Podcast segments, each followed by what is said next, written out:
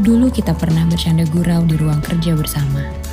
Tapi sekarang, kita bayar rindu lewat podcast dulu ya. Welcome to Workplay Podcast with me, Audira Amanda.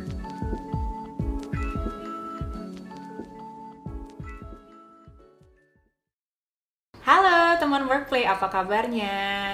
Hari ini aku pengen ngomongin soal konflik. Nah, kalau misalnya dengar kata konflik, sering kali itu kita pengen menghindar nggak sih dari yang yang namanya konflik itu?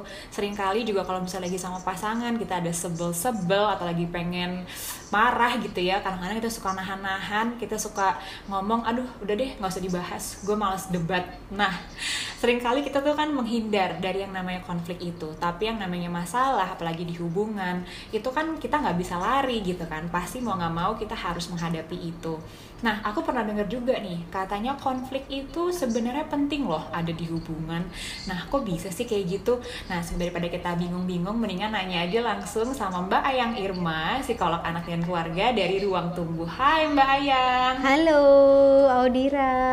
Apa kabar? Baik. Dirimu gimana Alhamdulillah sehat thank you ya Mbak Ayang udah mau me memberikan waktu sedikit untuk kita ngobrol-ngobrol hari ini Oh, senang hati sekali loh aku bisa diundang sama Workplay.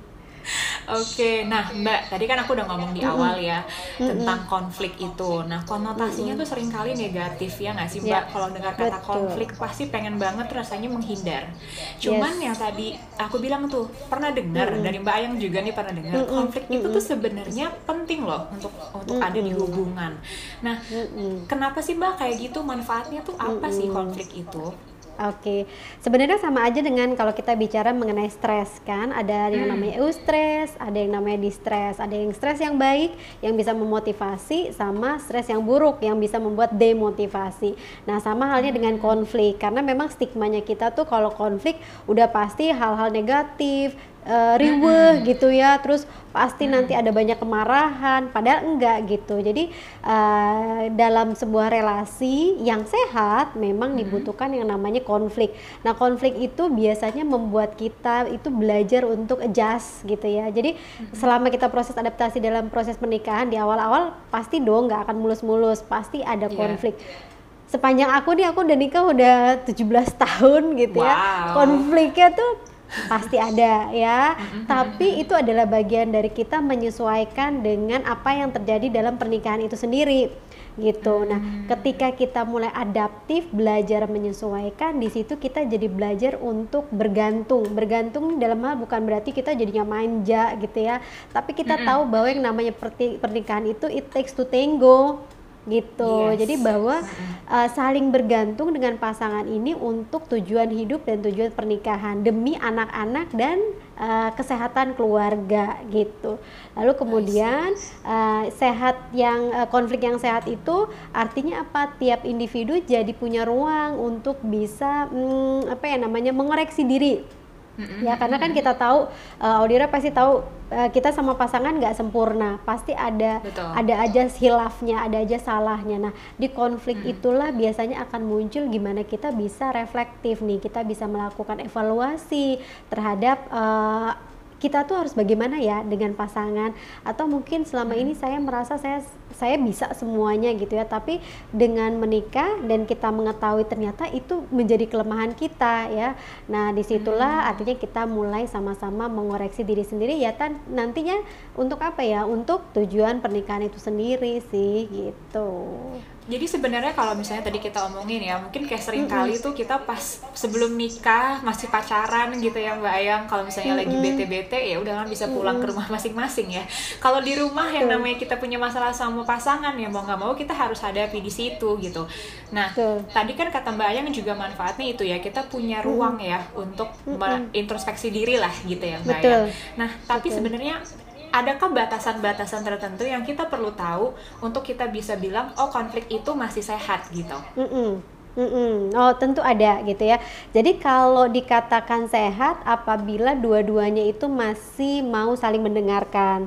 Jadinya uh, kalau dalam relasi mungkin kita akan bilang ini adalah namanya mindful listening. Ketika pasangan Hmm. itu mengeluhkan sebuah masalah atau menyampaikan sebuah masalah, lalu pasangan yang lain akan berusaha untuk menyimak. Dia be present. Jadi saat itu dia mengerahkan semua pikirannya, telinganya, fisiknya untuk mendengarkan.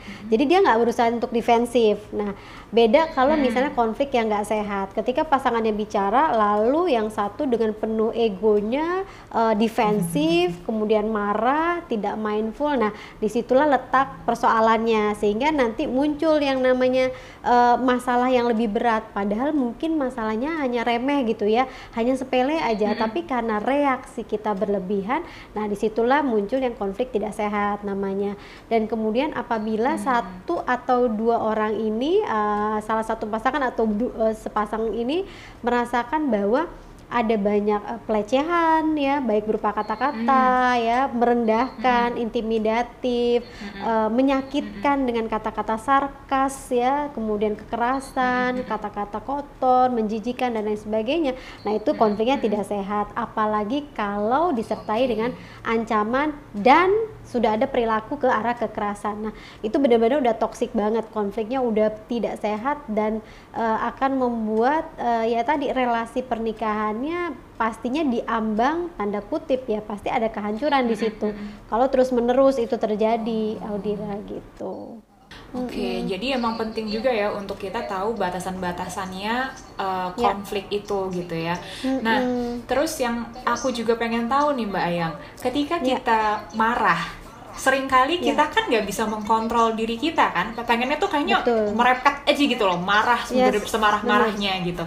Nah, sebenarnya tuh momen yang tepat tuh gimana sih Mbak Ayang, Uh, cara penyelesaian konflik yang sehat dan juga komunikasi yang baik sehingga tuh diterimanya juga enak gitu loh sama pasangan kita. Ya, oke. Ini balik lagi dengan bagaimana kita mengelola diri atau mengelola emosi. Nah, memang ada tahapannya, ada prosesnya. Karena memang eh, setiap orang tuh punya ambang emosi yang beda-beda ya, gitu. Ada orang yang memang eh, sedikit aja udah langsung terus-terus, terus kemudian jadi reaktif. Tapi ada ada orang juga yang ya udah biasa aja gitu Iya. kan, bahkan jadi cuek gitu ya. Jadi yang pertama memang kita harus mengidentifikasi eh, perasaan dulu ya. Jadi eh, bila pasangan kita mulai menyampaikan keluhan atau kemarahannya dan kita sebagai yang mendengarkan kita identifikasi perasaan kita dulu nih. Kita seneng pasti nggak seneng dong gitu ya. Mm-mm. Kita marah banget kecewa, sedih atau merasa apa gitu. Nah, Mm-mm. jadi mungkin kita udah anger banget gitu atau memang pengen nangis banget karena kita eh, nggak suka dengan caranya.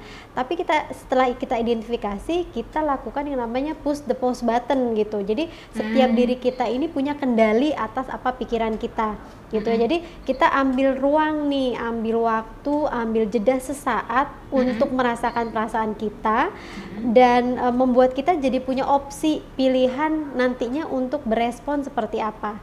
Jadi misalnya ketika eh, suami saya marah-marah, lalu saya sangat sedih, saya ambil ruang, saya dengarkan dulu dengan mindful tadi, lalu kemudian saya pikirkan opsi opsinya apa nih? Saya akan eh, diam, saya akan frontal juga, saya akan menyampaikan perasaan ketidaknyamanan saya atau saya bi- mengatakan saya menjauh sebentar ya, saya butuh waktu. Nah, itu adalah opsi-opsi gitu sehingga kita jadi bisa responsif bukan reaktif. Ya. Karena kalau yang namanya reaktif itu emosi sesaat gitu, emosi yang tersulut sesaat dan udah pasti nanti eh, efeknya jadi ada ledakan emosi yang sangat berlebihan. Nah, ini yang menciptakan suasana jadinya nggak nyaman. Jadi memang eh, ada tahapannya seperti itu sehingga kita masih punya waktu untuk membuat pilihan-pilihan dalam merespon pasangan kita seperti apa. Gitu. Oke. Nah, boleh dielaborate dikit nggak sih Mbak Ayang tentang komunikasi yang bisa dibilang positif ya kepada pasangan dalam penyelesaian konflik yang sehat? Mm-mm. Ya, yang paling penting dalam komunikasi tadi kan kita menyimak apa yang dia sampaikan. Lalu kemudian timing itu sangat penting banget ya karena Oke. kebanyakan sekali eh, komunikasi tidak efektif karena timingnya nggak tepat Iya. gitu timing. Jadi misalnya suami lagi pulang kantor lagi capek atau lagi WFH gitu ya tapi deadline-nya banyak, timingnya nggak tepat. Lalu kemudian pilihan kata yang kita ungkapkan. Nah, sebetulnya dengan kita kelola emosi, kita jadi punya punya kesempatan untuk lebih bijak me- me- apa ya, menguntai kata lah gitu ya. Padahal udah marah banget, tapi kan kita sedang usaha nih supaya jangan sampai eh, kemarahannya menjadi double trouble gitu kan. Nah, itu yang paling penting. Terus kemudian eh, kalau bahasa verbal tidak efektif, maka kita perlihatkan bahasa nonverbalnya. Jadi misalnya mungkin kita lebih mendekat, terus kemudian artinya menunjukkan bahwa kita menerima eh, dia dengan segala apa yang dia alami itu. Jadi nggak usah Oke. terlalu banyak bicara, cukup kita ada di situ itu juga komunikasi sebetulnya gitu. Dan ya sudah didengarkan saja. Lalu kalau timingnya sudah tepat, kebutuhan fisiologisnya sudah sudah terpenuhi ya, makan, minum, istirahatnya cukup, biasanya mood pasangan kita lebih baik untuk diajak komunikasi. Iya, Begitu. Jadi pastikan dulu udah makan dulu ya. Jadi Iya, karena makan, takutnya minum, istirahat, cukup Betul. istirahat ya. Nah, jadi jangan merepet terus gitu Uh-uh, ya. Ya uh-uh. karena eh, seperti balik lagi teorinya perempuan bicara 20.000 ribu kata, laki-laki cuma 5.000. jadi sudah pasti nggak akan diterima semua juga sama eh, para pria gitu. Iya iya iya.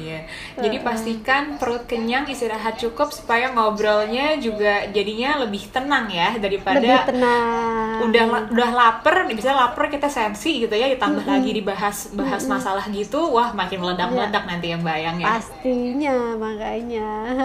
Mbak Ayang, thank you banget loh udah sharing-sharing sama teman Ya. Workplay hari ini. Semoga juga teman Workplay mendapatkan ilmu lagi supaya bisa punya konflik yang sehat eh, dengan pasangannya, biar hubungannya juga sebenarnya bisa nambah harmonis ya Mbak ya. Karena kalau misalnya nggak ada masalah, jadinya datar aja gitu datar ya Mbak ya. aja. Justru itu yang dikhawatirkan ya, karena kan kita Hmm. takutnya ada efek eh, apa gunung es ya. Jadi nggak tampak di permukaan, tapi di dasar khawatirnya suatu saat nanti bisa pecah dan justru akan membuat pernikahan jadinya lebih tidak harmonis begitu.